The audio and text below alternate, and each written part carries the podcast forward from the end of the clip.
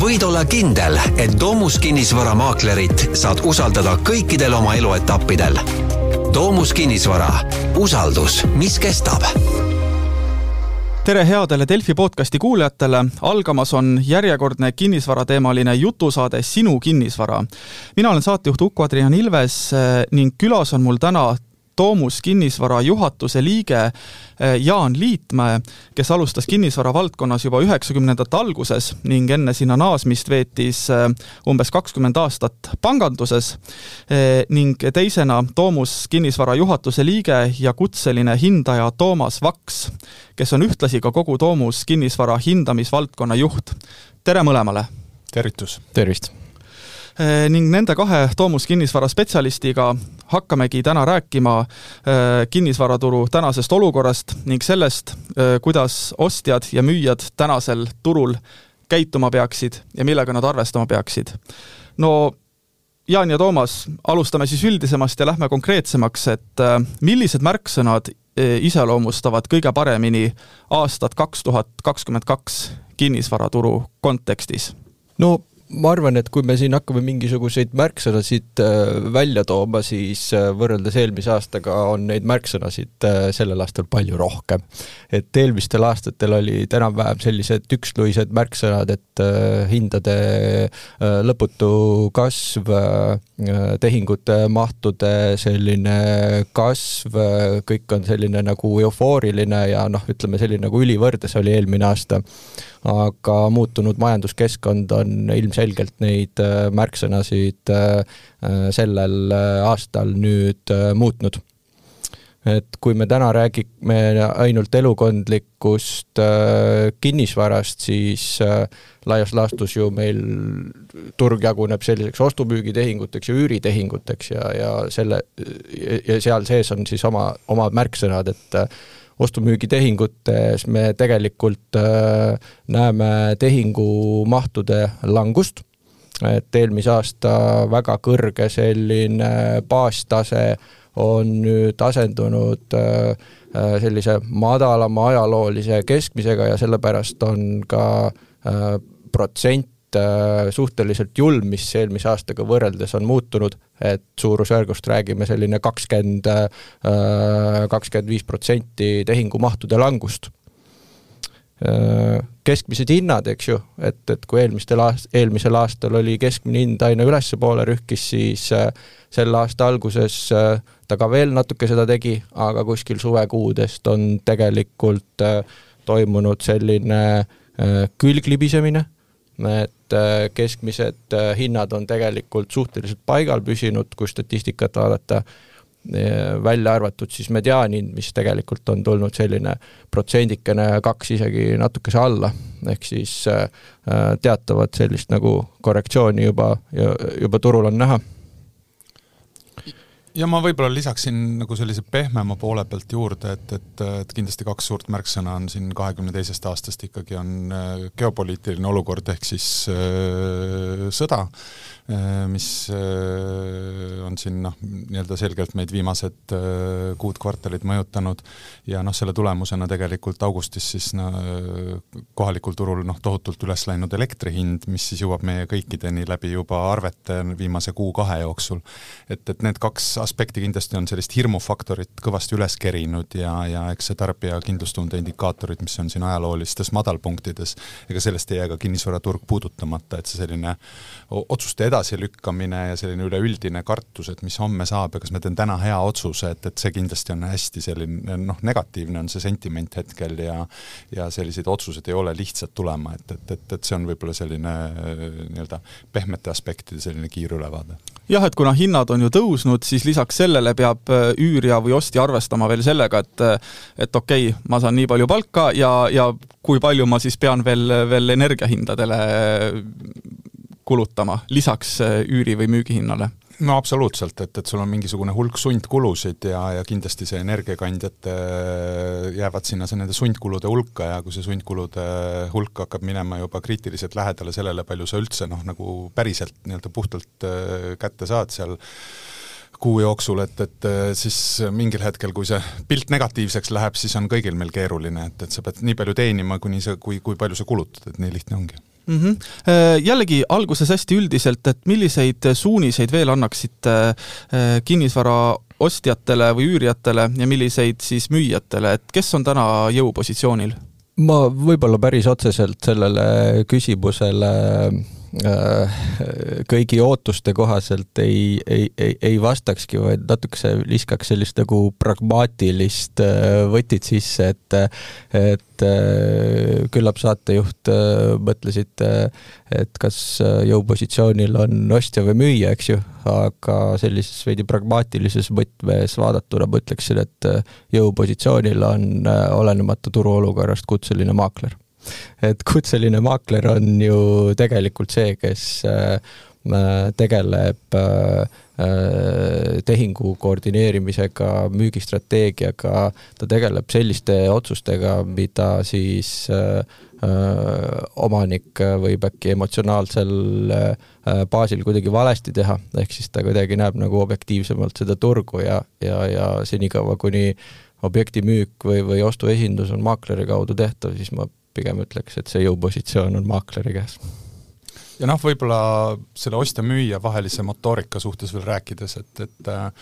noh, Eestis on kuidagi ajalooliselt hästi populaarne olnud see, et, et äkki sul on mingeid pakkumisi, mis ei ole avalikult väljas või noh, niisugused hästi lihtsalt öeldes selline letialune kaup, et siis noh, mõnes mõttes seal on mõlemal osapoolel, nii ostjal kui müüjal on mingi ootus, et ostja loodab odavalt osta tänu sellele ja müüja hästi kallilt müüa tänu sellele, eks ju. aga tänasel hetkel, kui mõlemad on sellises hirmuseisundis, et müüja kardab, et äkki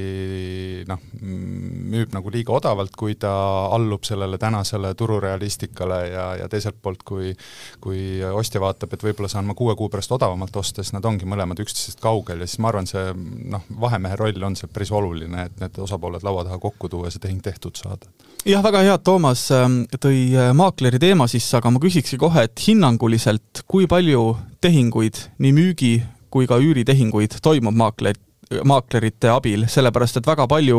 on ju kuulutusi, kus on all lause, et maakleritel palun mitte tülitada jah,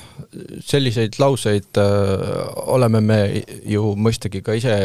kohanud ja tegelikult, kui nüüd ajalugu vaadata, siis äh, või noh, ütleme nüüd nagu lähiminevikku, alates siin sellisest nagu ma ei tea, suvest, kui kui meil pakkumiste maht on kasvanud, siis äh, aina enam on tulnud äh, portaalidesse eraisikute kuulutusi et äh, see maht on kindlasti suurenenud ja, ja, ja tegelikult see viib äh, eraisikud äh, omavahel sellisesse noh, sellises sellist nagu konkurentsi, et et, et, et kui kaks eraisikut omavahel võistlevad ja, ja, ja kõrval on veel kutseline maakler, siis tõenäoliselt kutseline maakler on ikkagi nagu paremas olukorras, et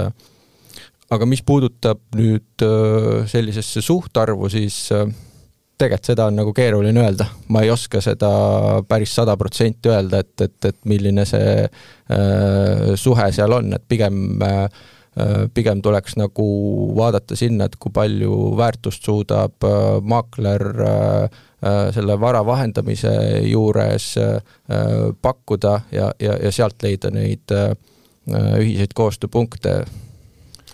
kindlasti on üüriäris on noh, professionaalseid osapooli, kes noh, ise on selle vara omanikud ja tegelevad selle väljaüürimisega, neil on noh, inimesed selle jaoks palgal, et, et eriti ärikondlikus kinnisvaras ja tegelikult järjest enam ka sellises elukondlikus kinnisvaras, kus terved majad on äh, professionaalse investori käes, et seal pole küsimustki, et, et seal nad suudavad sellega ise suurepäraselt nagu hakkama saada, aga selline eraisiku puhul ongi, et, et et eks ta võtab lihtsalt selle riski, et ta paneb mingisuguse äh, nüansiga veidi mööda ja, ja kas ei tule nagu ostuhuvilisi piisavalt palju, palju või see tehingu ettevalmistus, mis lõpuks näiteks ostu-müügi puhul maandub notari juures, et seal on mingid vead sees ja selle tõttu see tehing kas venib või on mingisugused muud tagasilöögid võivad tulla, et, et, et see on see koht kindlasti, kus see spetsialist nagu tuge annab, aga on ka eraisikute hulgas piisavalt inimesi, kes suudavad selle tehingu kenasti ise läbi viia, pole üldse küsimust. jah, ma mõtlengi seda, et, et eriti kui inimesel ei ole võib-olla kiiret, ta vi-, ta, tal on aega ja viitsimist, eks ole, tegeleda, et siis võibki tal tekkida küsimus, et aga, aga milleks mulle maakler, võtab nii krõbeda tasu vahelt? Ma arvan, täna on äh, ikkagi see põhiline teema, kus äh, spetsialisti abi mängu tuleb, on see, et, et äh, sa ei ole ise iga päev turul, eks ju, ja kui sa oma vara müüki paned, siis on sul mingisugused teadmised, mingisugune info mingist ajast ja need on ainult killud, et sul ei ole seda kogu turupilti, eks ju, ja sa paned selle asja mingi X hinnaga müüki ja nüüd see kõikumine sellest tolle hetke sellisest tasakaalupunktist, kus see tehing ära, noh, toimuda võiks, et see võib olla sinul, sinu kahjuks päris omajagu, eks ju. ja kui keegi kõrvalt sulle seda ei ütle, siis on sul kuulutus üleval ja kuudeviisi keegi ei helista, eks ju, et siis see on see koht, kus võib, võib see ootusärevus nagu päris pikaks minna, et seal see spetsialist aitab sind sellele õiglasele tasakaalule lihtsalt nagu lähemale. Et võib tekkida vale eeldus, et ma ju tean ja näen ja adun kõike, et äh, mis mul siis häda on seda no jah, seda, kiiresti seda, maha müüa? seda me näeme täna päris palju, et ikkagi need sellised hästi kõrged ootused, kus pandi vara müüki hinnaga noh, mille puhul on eeldada, et sealt on vaja tulla päris omajagu alla, eks ju, et, et tõenäoliselt need kulutused saavad täna hästi vähe tähelepanu, kontakte on hästi vähe sellel inimesel ja noh, siis ongi, et, et mõnes mõttes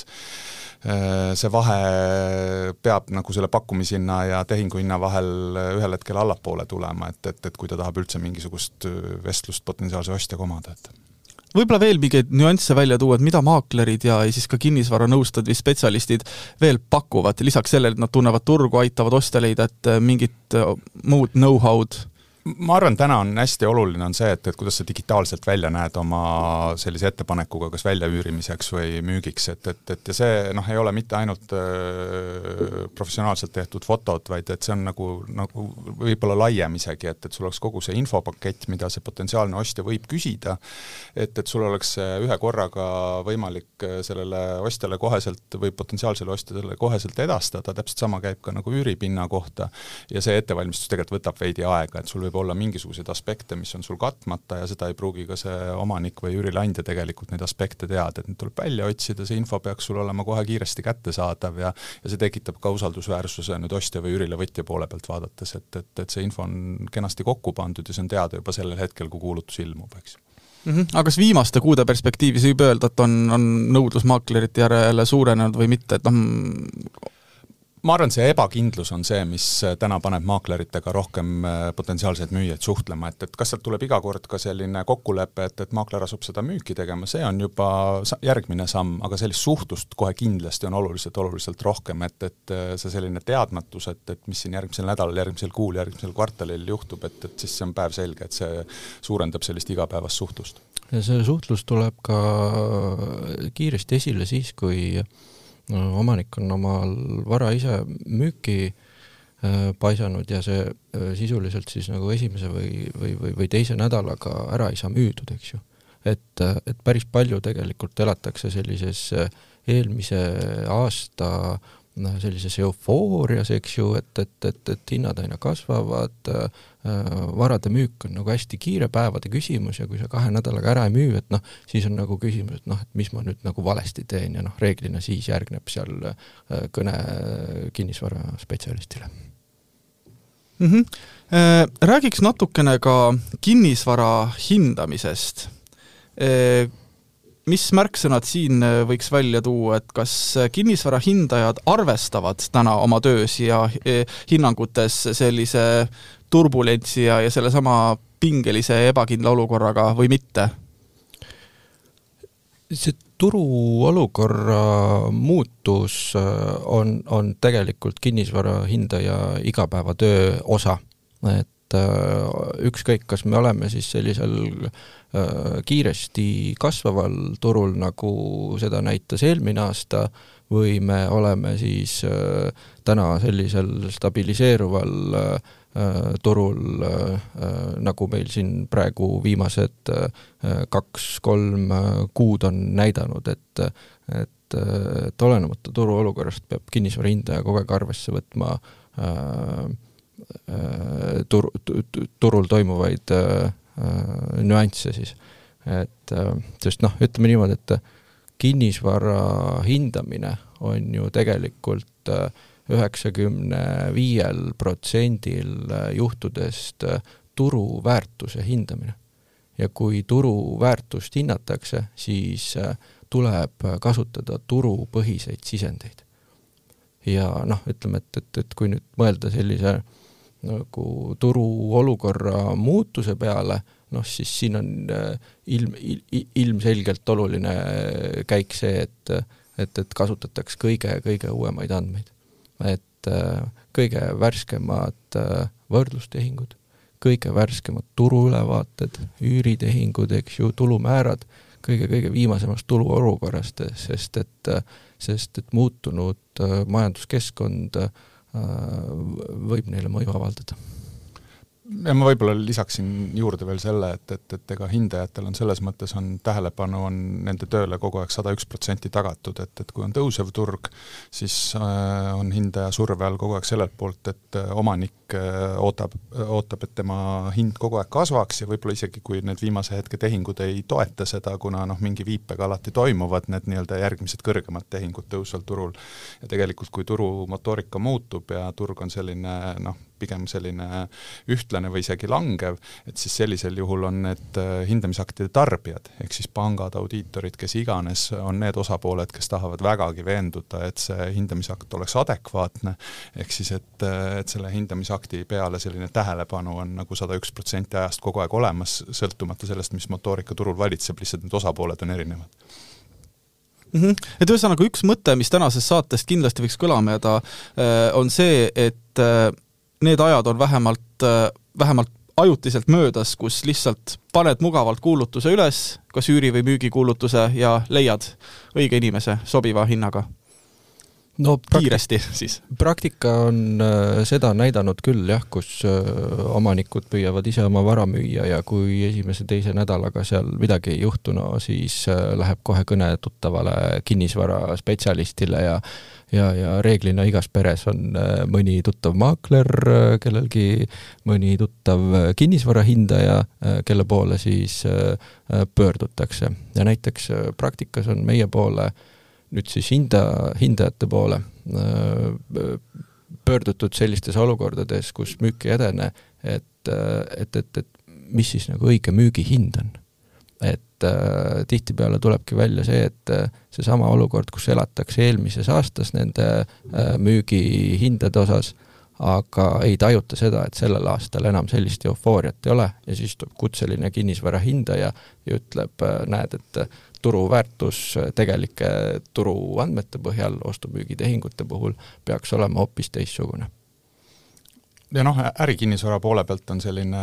päris karm tõdemus on see, et, et kuna nüüd siin viimase mõne kuu jooksul on väga hüppeliselt tegelikult noh, me räägime Euroopa keskkonnas on noh, intressimäärad tõusnud, tegelikult on nad üle maailma öö, tugevas tõusutrendis, et, et ega see peegeldub ka koheselt sellise investori tootluse ootuses, eks ju, et kui lähevad baasintressid üles, siis ta ootab sellest majast, mida ta osta planeerib, ka rohkem tootlust, aga see kuidagi ei käi kokku müüja plaanidega, kes ikkagi tahaks selle maja maksimaalselt kõrge hinnaga, ehk siis äh, madala tootlusega maha müüa ja seal täna on noh, tunnetatav, et on selline ootuste vahe sees, mis tähendab seda, et, et, et müüja tahaks palju rohkem eurosid saada, kui ostja on valmis välja käima ja, ja noh, siis mõnes mõttes ongi selline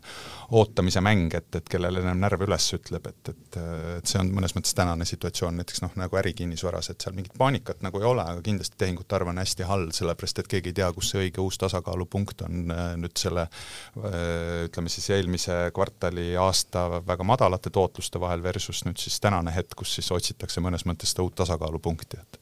aga mis see pakkumiste ja, ja nõudluse suhe täna on, ütleme nii müügi kui üüripindade puhul, võrreldes aasta taguse ajaga? Noh, ma oskan siin võib-olla välja tuua sellised üldised äh, suundumused äh, Tallinna osas, et, et äripindades kindlasti on selline äh, järg, jätkuvalt on aktiivne turg selliste pindade osas, mida sellised väiksed keskmised ettevõtted oma igapäevaeluks vajavad, mõned kabinetid siin sada ruutu, sada viiskümmend ruutu, et seal on kogu aeg selline mingi nõudlus olemas, keegi kuskilt lahkub, keegi otsib endale natuke suuremaid ruume, et seal on mingisugused liikumised kogu,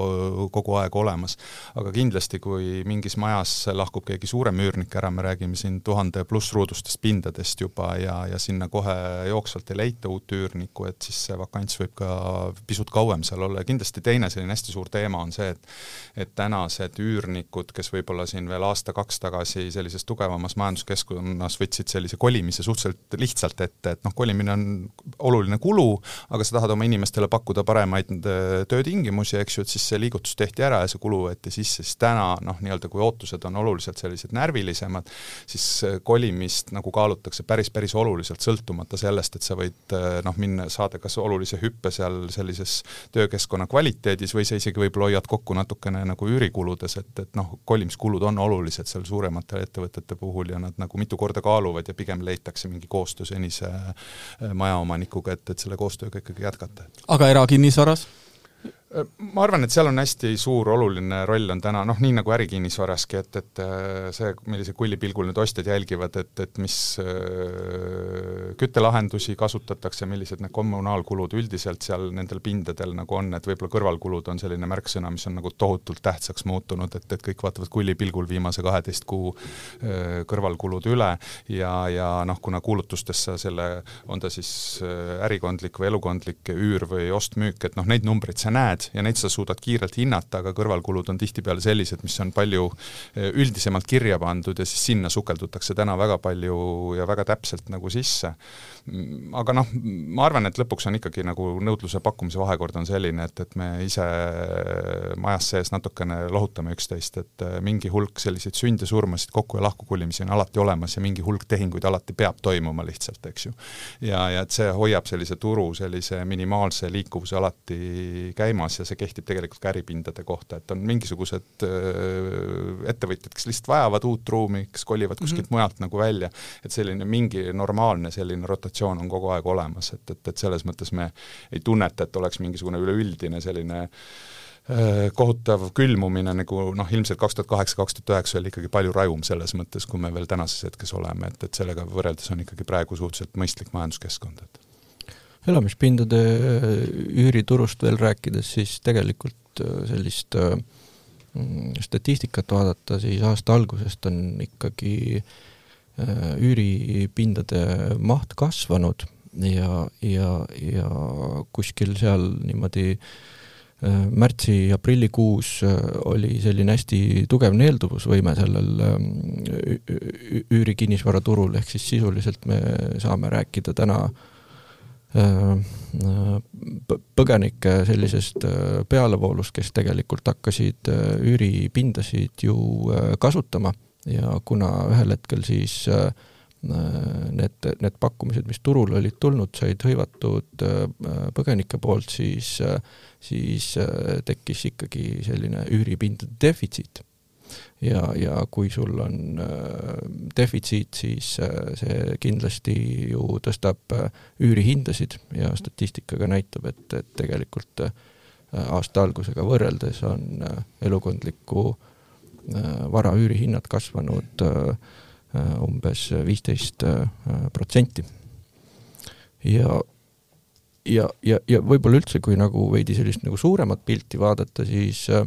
tegelikult see on ju selline nagu vana tõde, et, et, et kui on majanduskeskkond on äh, ilus ja hea, et, et, et siis rohkem tehakse sellist nagu ostu-müügitehinguid ning kui majanduskeskkonnas on rohkem sellist ebakindlust äh, tuleviku osas, siis äh, pigem kaldutakse sinna üürikinnisvara poole. Mhm. aga mis mõjurid võivad üürihindade tõusmisel veel olla peale, peale põgenike ja noh, üleüldise hinnatõusu, kas on midagi veel, mida välja tuua? no üks, üks aspekt, mis täiesti üks-üheselt mõjutab seda turgu, on ehitushindade kasv. Et, et, et meil ikkagi on päris oluline maht äh, sellist uut pakkumist nii elu- kui ärikondliku poole peal tuleb ikkagi tegelikult ka uusobjektide näol.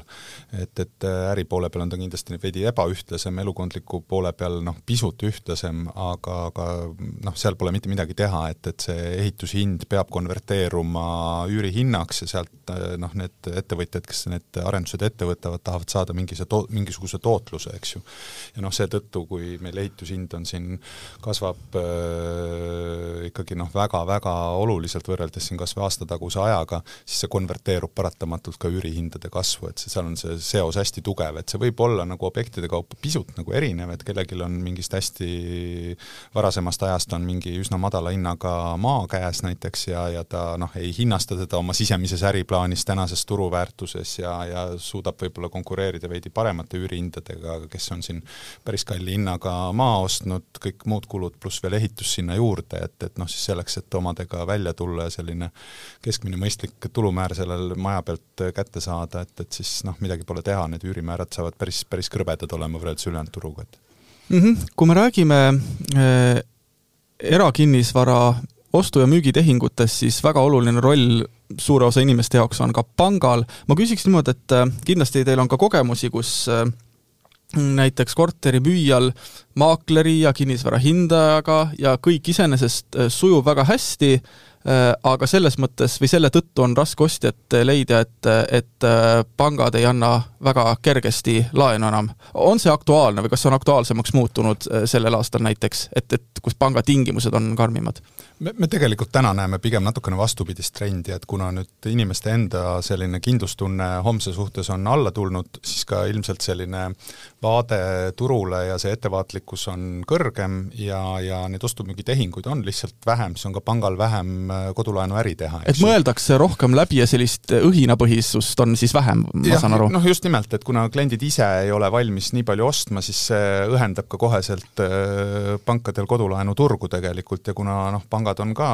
kindlasti oma äriplaanides lähtuvad sellest, et nad tahavad mingit mahtu portfellis säilitada ja ka osadel juhtudel kasvatada, siis noh, pigem me kohtume täna äh, eluaseme osakond, eluasemelaenu osakondade inimestega pankadest vaata et rohkem, kui me aasta või kaks tagasi kohtusime kusjuures, et, et nad on aktiivsed, nad kindlasti otsivad tugevamat, potentsiaalselt tugevamat klienti, keda võimalik, aga vaadatakse nagu kõikidel taotlustel otsa ja taotluseid pangad nagu tahavad saada, et, et kindlasti nende sisemised kriteeriumid on pisut kõrgemad, kas või seesama Euribori tõus, eks ju, et see ju konverteeritakse koheselt ka sellesse erinevatesse riskistsenaariumitesse nagu sisse, aga, aga täna nüüd seda, et oleks äh, panga taha midagi jääks, et seda mitte, et ma arvan, et see inimese enda enesekindlus ja tema poolt teenitav sissetulek on põhikriteeriumid. Ja meie viimased äh, majasisesed äh, siseinfo minuti seminar, et, et, et seal meil ju tegelikult käis ka külas üks tuntud pank, kes tegelikult tõi välja, et et täna on üheksakümmend pluss päeva viivises olnud laenude osakaal nende portfellis Eestis ikkagi seal nullilähedane ehk siis äh, tegelikult äh, laenuandja sellisest vaatevinklist äh, ei, ei, ei, ei ole meile teadaolevalt küll mingeid selliseid suuri takistusi või, või mingeid niisuguseid tagasitõmbumisi kohti või ohumärke ma arvan ka, et siin võib-olla isegi laiendades äh, seda pankade vaadet turule ka üleüldisemalt äh, selle teema peale, et, et noh, millal siis võiks, ma ei tea, kinnisvarahindade sellisem olulisem langus tulla, et et seni, kuni meie tööjõuturg tegelikult püsib nii tugevana, nagu ta on püsinud, siis noh, nii lihtne ongi, et kui inimestel on teenistus ja töö olemas, siis nad jaksavad ka oma kohustused ära täita ja, ja kui nad äh, jaksavad oma kohustused ära täita, siis nad ei ole ka surve all müüa midagi odavalt ära, eks ju, ja see noh, tegelikult kehtib täpselt samamoodi ka äripindades, et, et kui neil on üürnikud olemas, äh, üürid laekuvad, siis nad suudavad oma kohustusi teenindada ja kui nad noh, otsustavad mitte müüa või mitte nagu madalama hinnaga müüa, kui nende ootused on, siis neid tehinguid ei toimu, aga hinnad ka ei kuku, sellepärast et hindade kukkumiseks noh, on kellelgi sundi vaja. et, et seni, kuni teenindusvõime on olemas nii ettevõtetel kui eraisikutel, siis on seda sundi, on neil vähem oluliselt, eks ju mm. -hmm. Kui küsida natuke filosoofilisemalt, siis kas kodu soetamiseks on iga aeg õige, nagu tihti kiputakse ütlema, või siiski mitte? Seal on üks aspekt, mida vist ei ole, ei ole väga palju välja toodud, aga ükskõik mis ajahetkel, kui sa ei ole just esmane koduostja, kelle noh, kelle puhul on see noh, võib, võib nii ja naa ütelda, aga suur osa koduostjatest on ikkagi need, kes teevad seda teist või kolmandat korda juba, siis selleks, et nad seda uut kodu osta saaksid, nad ikkagi praktiliselt rõhuval enamusel juhtudel müüvad vana kodu maha. ja siis mõnes mõttes, kuna see toimub hästi kitsalt ühes ajavahemikus, siis see ajastamisel ei ole tähtsust tegelikult. et sa midagi müüd piltlikult öeldes odavalt enda nagu ütleme siis enda vaates, aga teistpidi sa võib-olla siis ka ostad odavalt või, või ka vastupidi, et sa müüd midagi turu kõrghetkel maha, siis sa kahjuks ka ostad turu kõrghetkel, eks ju, et, et need nagu pisut äh, üksteist taandavad välja, et, et, et selles mõttes, kui need jäävad ühte ajavahemikku, siis seal tõesti ei ole väga suurt vahet. võib-olla esmakordsel koduostjal on see nagu pisut teistmoodi, aga seal tihtipeale on nendel suurem probleem see omafinantseerimise kokkupanek, kuivõrd see, et, et nüüd muretseda väga selle ajastamise pärast ma pigem võib-olla annaksin sellise klassikalise vastuse, et, et, et kodu soetamine võiks olla ikkagi vajaduspõhine, et et et, et kui ikkagi ma ei tea, pere on laienemas või, või töökohaga on mingisugune muudatus, mis tingib kodu ostmise vajaduse, et, et siis ja, ja muidugi ka kui ostjal on selline võimalus olemas, et, et siis, siis muidugi tuleks see tehing ära teha, aga, aga nüüd kuidagi nagu, ma ei tea, oodata, et kinnisvara hinnad nüüd äh, hullult äh, hullupööra langevad ja siis ma hakkan endale kodu ostma, et noh, et, et seal on ikkagi nagu teatud riskid, eks ju et, äh, et, et kui, kui, kui majandus langeb ja kinnisvara hinnad langevad, siis tegelikult ju ka äh, inimestel äh, endal äh, võivad sissetulekud langeda ja läbi selle nad muutuvad ju ka siis äh, pankade silmis äh, natukese vähem atraktiivsemaks, eks ju. et ehk siis, kui, kui panustada endal kodu ostmine sellisesse äh, keerulisema, keerulisemas keerulisemasse perioodi, et siis see lihtsalt ei pruugigi olla finantsiliselt võimalik jah, see oligi sissejuhatus tegelikult mu järgmisele küsimusele, et mida soovitada neile, kes mõtlevad, et noh, ma pool aastat, aasta veel ootan, no võib-olla on siis hinnad natukene langenud või on lihtsalt sama häid korterit rohkem, mille vahel valida kui me räägime uuest kinnisvarast, siis seda tuleb tegelikult äh, mitte ainult Tallinnas, vaid igal pool mujal Eestis, seda tuleb tegelikult nii vähe äh, peale võrreldes uusarendusi siis, mhm. võrreldes kogu üle ole, ülejäänud olemasoleva fondiga, et, et näiteks kui sa tahad kindlasti mingisuguses konkreetses regioonis, rajoonis elada, noh, Tallinnas äh, aluseks võttes, võib-olla seal ongi mõne aasta jooksul seal on üks-kaks arendust, eks ju, ja kui sa nüüd põlgad selle ühe arenduse ära, arvad, et see on sinu jaoks või et see on noh, kallis liiga, eks ju, siis noh, on variant, et võib-olla järgmised paar aastat sinna ei tule midagi sulle sobivat, eks ju. et, et selles mõttes meil on ka see pakkumine on päris, päris õhukene, et, et, et selles mõttes kui võtta ainult seda hinnakriteeriumit ja oodata mingit hinnalangust, et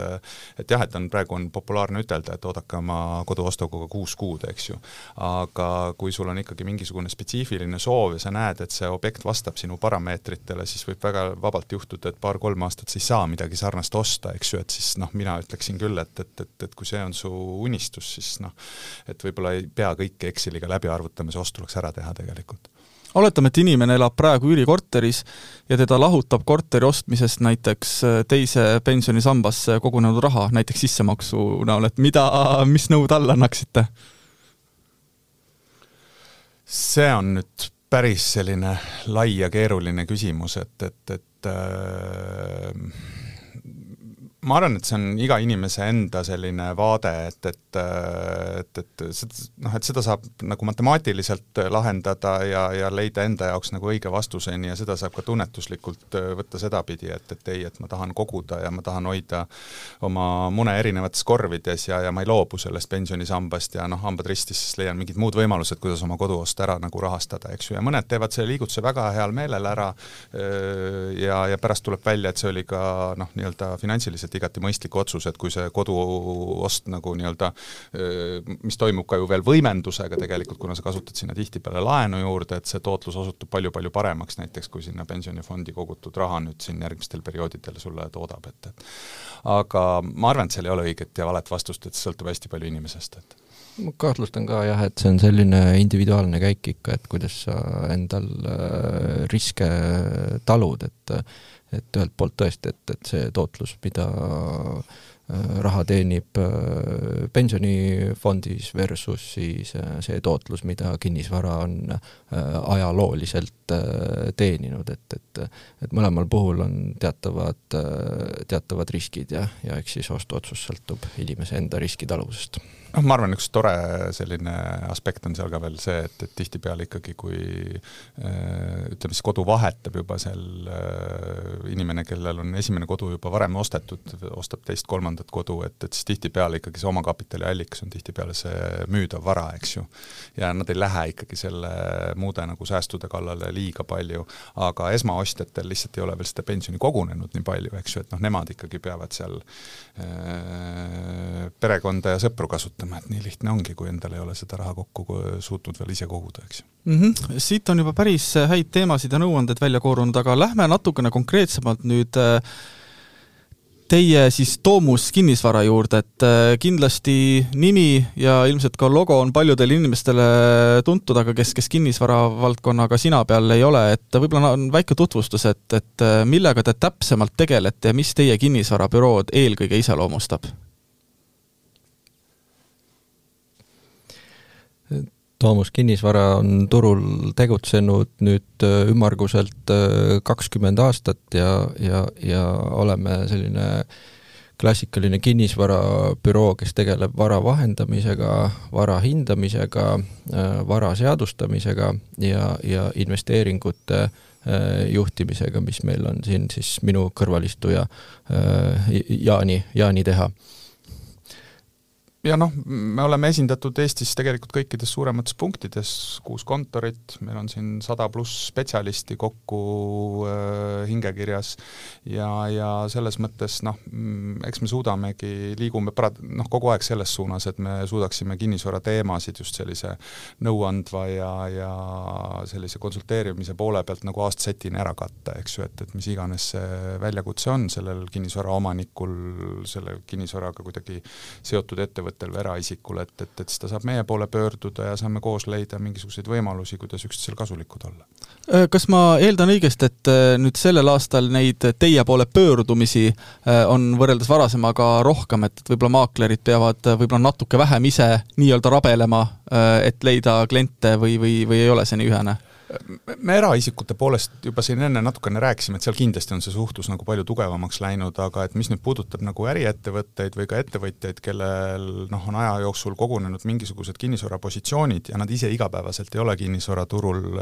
noh, nagu tegutsevad, eks ju, siis nende puhul on ilmselgelt nagu näha seda, et, et, et, et me liigume üsna kiiresti eemale sellest, et, et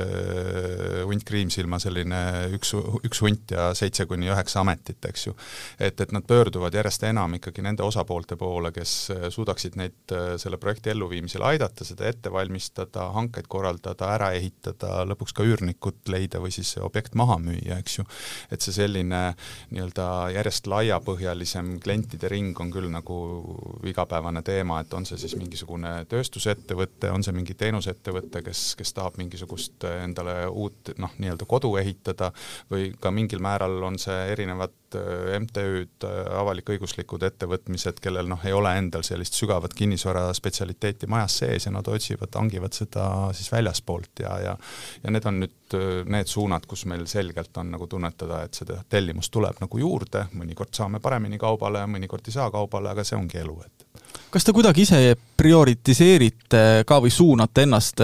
konkreetset siis kinnisvara valdkondades või, või pigem vaatate täpselt, kuidas tuleb ja üritate niimoodi optimaalselt kõike ma arvan, et eks see kõige suurem dilemma tihtipeale on see, et, et, et kui keegi tahab, äh, väikearendaja või väikeehitaja tahab oma krundile eramaja ehitada, eks ju, ja siis ta tuleb meie käest seda abi paluma, et siis noh, kuskil on see piirang, et, et me paneme sinna alla mingi ressursi ja, ja siis äh, noh, nüüd on küsimus selles, et palju see ressurss tema jaoks nagu maksma läheb, eks ju, et, et, et ma arvan, et seal võib-olla piirang on nendes äh, projekti suurustes, et, et kuskilt maalt on võib-olla põlve otsast tegemine nagu talle tundub, tundub endale nagu mõistlikum ja ta ei taha lihtsalt seda öö, maksumust nagu välja kanda, mida, mida me esimese hooga paneme sinna sellele teenusele nagu külge. aga, aga ma arvan, et see pilt ongi nüüd nagu iga, iga ettevõtja enda nagu ütelda ja et kui kallis see tema aeg on ja et kui ta meilt midagi tellib, et siis ta hindabki seda versus nagu enda poolt selle asja noh, ärategemisega ja ma arvan, see saldo on päris positiivne meil, et palju meie käest küsitakse ja palju ka me edasi liigume siis vara hindamise kontekstis öö, omame ka suhteliselt laia ampluaad, et et kui selline klassikaline hindamine näeb reeglina välja turuväärtuse selline noh, ütleme tõesta-, tähendab see tehinguhinna tõestamine siis, et, et, et mis hinnaga tehingusse minnakse, et kas see siis on turuväärtus või ei ole, ehk laias laastus siis ikkagi hindamine laenutagatiseks, et, et siis sellele lisanduvad ka meil äh, ju kõiksugu hüvitusväärtuste hindamised, kus toimuvad mingisugused äralõiked maatükkidest, eks ju, riik võõrandab või kohalik omavalitsus või või, või on seal mingisugused servituutide hindamised, mingisugused juurdepääsu küsimused on vaja ära lahendada. Ja, ja otse loomulikult ka siis äh, finantsaruandlusteks hindamine, eks ju, sellepärast et äh, ettevõtted peavad ju oma vara kajastama bilansis õiglases väärtuses. Ja võib-olla ma tuleksin noh, tagasi korra selle juurde, et, et, et, et kes noh, saab kaaluda meie juurde pöördumist, et, et mõnes mõttes on see hästi lihtne, et see kinnisvara elutsükkel äh, algab tühjast maast, kui tal ei ole mingit sihtotstarvet, siis talle tekib planeeringu käigus mingisugune sihtotstarve, kui see sobib, liigutakse edasi projekteerimisse, mida tehakse siis kooskõlas juba sellega, et mis oleks majanduslikult kõige kasulikum sinna peale teha, siis valmistatakse ette ehitustegevus, mingisugune eelmüük, turundus juba, ehitatakse objekt valmis, antakse ekspluatatsiooni, kas siis juba ostjatest kasutajatele või siis üüritakse välja ja mingil hetkel, kui see hoone on juba nii vana, et ta vajab noh, kas siis moraalselt või juba juba ka kapitaalset nagu ümberehitust, ka siis on vaja mingisugune hinnang teha, et, et palju sinna investeerida on vaja ja palju see konkreetne investeering koos siis selle olemasoleva vara tingliku turuväärtusega, et palju see siis nagu omaniku vaates noh, nagu kui mõistlik see tegevus tegelikult nagu on, et, et noh, me püüame aidata seda kinnisvara tegelikult kogu selle elutsükli jooksul, et, et, et seal ei ole otseselt mingisuguseid noh, totaalseid piiranguid mhm. ja kui rääkida jälle erakinnisvarast, siis kui suur osa see tervest pirukast moodustab? Üüri- ja müügitehingud ja, ja sellega seonduv? no kinnisvara äh, hindamise kontekstis on äh, elukondliku kinnisvara hindamist meil suur ikkagi lõviosa, eks ju, et, et, et kuna seda on turul käibes ka kõige rohkem, eks ju, et äh, äh madalama efektiivsusega on veel ju ärikinnisvaraturg ja maadeturg, et selle võrra on siis ka neid hindamisi seda varaliikidele vähem jah, ega ongi, siia on keerulisi nagu panna selliseid konkreetseid numbreid juurde, et nagu ma juba enne ütlesin, et äh, ärikondlikus ja tegelikult ka metsanduses on hästi palju professionaalseid osapooli, kellel tegelikult on need spetsialistid majas sees olemas ja nad tihtipeale noh, seda teenust väljaspoolt sisse ei telligi, et nad suudavad noh, nagu omavahel kogu selle kauba kokku leppida ja need tehingud ära teha enne saate salvestust me siin just rääkisime, õig-, õigemini teie rääkisite, et et inimesed ei peaks kartma, kui nad teie poole pöörduvad, tahavad mingit nõu saada, et et ei lähe kohe taksomeeter nii-öelda tööle. et absoluutselt, et äh, ma arvan, et kõige alus ongi tegelikult suhtlemine, et, et äh, et ega noh, vahendusteenus või hindamisteenus, et, et, et, et see saab ikkagi konkreetse käigu siis, äh, kui on kokku lepitud, et jah, et me koostöös hakkame seda objekti kas müüma või üürile andma või et, et jah, et me selle objektile tellime nüüd hindamise ära ja lepime kokku, kuidas noh, objektile tulek nagu välja nägema hakkab, et siis saab ka juba need Äh, täpsemad tehingutingimused nagu paika, eks ju. aga selles mõttes, et, et võtta nüüd nagu telefonitoru kätte ja, ja helistada oma konsultandile või hindajale, et, et, et see, ma arvan, on väga hea algus tegelikult. aga kas ja mida äh, inimesed veel võib-olla võiks öelda, kardavad, kui nad teie poole pöörduvad, kas on ka sellist suhtumist, et vot, et kui ma nüüd äh, suhtlen kinnisvara konsultandi ja maakleriga, et äkki ma pean ise hoopis sellepärast palju targem olema, et oskama kümnetele küsimustele kohe vastata ja ma ise tahaksin vastata võib-olla pisut isegi filosoofilisemalt, et et äh, maakleri puhul tegelikult sa tagad mõnes mõttes selle, et sa noh mm,, ei hälbi väga eemale sellisest õiglasest turuväärtusest. et, et ta igal juhul tagab sulle selle, et sul on nagu rohkem äh, vaatajaid ja huvilisi sellele objektile, eks ju, ja sa lõpetad selle tehingu igal juhul võimalikult lähedal äh, õiglasele turuväärtusele ja, ja et sa ei võta nagu mõnes mõttes riske ja see tuleb nüüd väikse tasuga koos, eks ju, et, et, et need kaks asja käivadki nagu käsikäes, et, et, et loomulikult, et need isemüüjad, äh, eks nende selline unistus on, et nad saavad hästi noh, nad saavad suurema väärtuse kätte kui võib-olla maaklerit kasutades, vähemalt siis selle vahendustasu võrra, aga et seal on just nimelt needsamad riskid, et kui sa paned liiga kõrge hinna, siis sa ei müü ära mitte midagi ja kui sa paned liiga madala hinna ja ülehomme notaris maandud, et sa saad aru, et tegelikult sa võib-olla müüsidki liiga odavalt, eks ju, et, et ma arvan, et see on selline riskide maandus, mis tuleb siis teatava hinna eest jah, ja noh, ma mõtlen, et just see nagu vara hinnastamine on see, mida tegelikult kutseline makler saab ju äh, majasiseselt äh, suhteliselt täpselt ära teha, et äh, määrata sellele varale õige müügihind ja sellega siis tagada ka tegelikult vara likviidsus. ja, ja, ja kui tehingu äh, toimumisaeg tuleb ja, ja sinna tuleb siis kinnisvara hindaja, kes selle vara turuväärtuse ära hindab, et siis ei ole seal enam neid üllatusi, et äh, tehingu hinna ja turuväärtuse vahele peaksid jääma mingisugused väga suured käärid. et, et, et see on kindlasti üks selline makleri pluss ja kui inimene näiteks mis iganes põhjustel tahab talitada nii, et äh, kinnisvara hindamine ühest äh, büroost, eks ole, võib-olla maakler ja konsultant teisest, et see kõik on ju võimalik, et ei pea nii-öelda täispaketti võtma ühest kohast jaa, absoluutselt, et, et tihtipeale siin ongi, et, et kui äh, mingid tehingutes on mingid osapooltel on mingisugused äh, erinevad huvid või nad on erinevate osapooltega seotud, siis isegi täna see on juba pigem nagu hea toon, et, et, et sa nagu eraldad äh, müügi näiteks teenuse ja hindamisteenuse ära ja, ja ma arvan, et seal kellelgi ei ole selles osas mingisuguseid pretensioone, et see on täitsa harilik praktika. hakates otsi kokku tõmbama, siis äh milliseid äh, üleskutseid, soovitusi, teemade lisamisi sooviksite ise veel välja tuua? ja kuidas kõnetada siis inimesi, kes, kes potentsiaalselt võiksid teie poole pöörduda?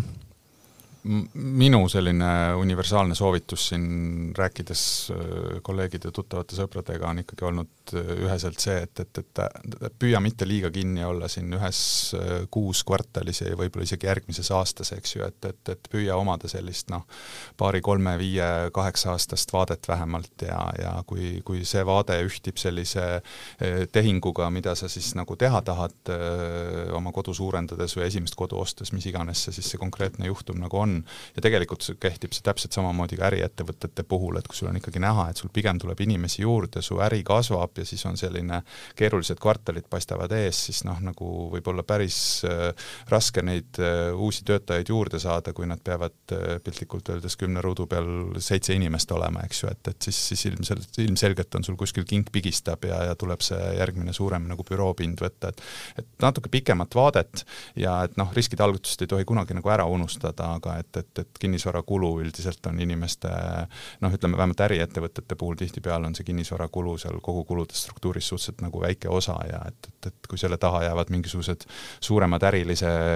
ärilised läbimurded, et siis oleks kahju küll tegelikult ma võib-olla jälle kuidagi veidi pragmaatiliselt lähenen äh, sellisele soovitusele, aga, aga vast saab mõni kuulaja ikkagi kasu ka, et et, et kui sul ikkagi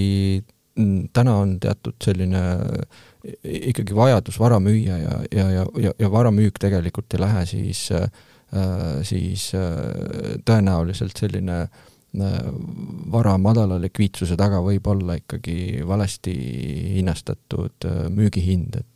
et seal tõe-, kõige, kõige selline kiirem äh, valik või selline kiirem lahendus on ikkagi varale eksperthinnangu tellimine, äh, sa saad endale selguse, milline on su sellised oodatavad tulud, sa oskad seeläbi endale juba mingeid uusi plaane teha, et äh, ja, ja, ja